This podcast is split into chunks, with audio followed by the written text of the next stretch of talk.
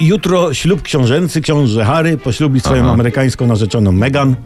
Wystawna sytuacja ślubna, 600 gości w kościele, no ale na weselu 200, więc wesele nie będzie jak, jak, jakieś takie Megan wypasione, prawda? Od średniej wielkości nasze wiejskie. Poszli po oszczędności po prostu, ale nie wszystko w związku z weselem idzie jak po królewskim maśle. Jest problem. Tato panny młodej nie będzie na ślubie. Tłumaczy, że miał zawał, ale portale plotkarskie piszą, że to z powodu skandalu, bo on pozował do zdjęć, które miały wyglądać na robione z ukrycia.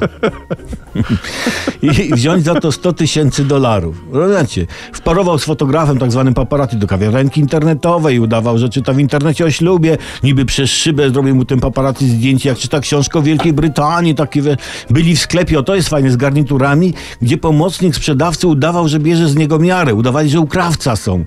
Taka tam, rozumiecie, ustawka nie obca naszym celebrytom. Królowa Elżbieta, jak się o tym dowiedziała, to podobno zjadła widelec, popiła kieliszkiem i oblała grochówką portrety przodków. Wiecie? I skopała grządkę. Nogą. No szok. Szok. No, słuchajcie, no zbliża się wiekopomna chwila, nie? Wnusio się żeni, a teściu wnusia, e, e, wnusia daje nura w szambo. No, tyle, że za niezłą kasę, no jakieś usprawiedliwie, e, usprawiedliwienie jest.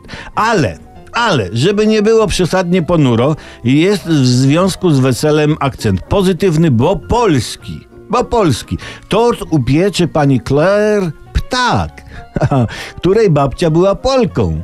Widzicie, dzięki babci Ptak młoda para będzie miała na weselu tort babuni, prawda? Szczęść Boże młodej parze i każdej młodej parze też.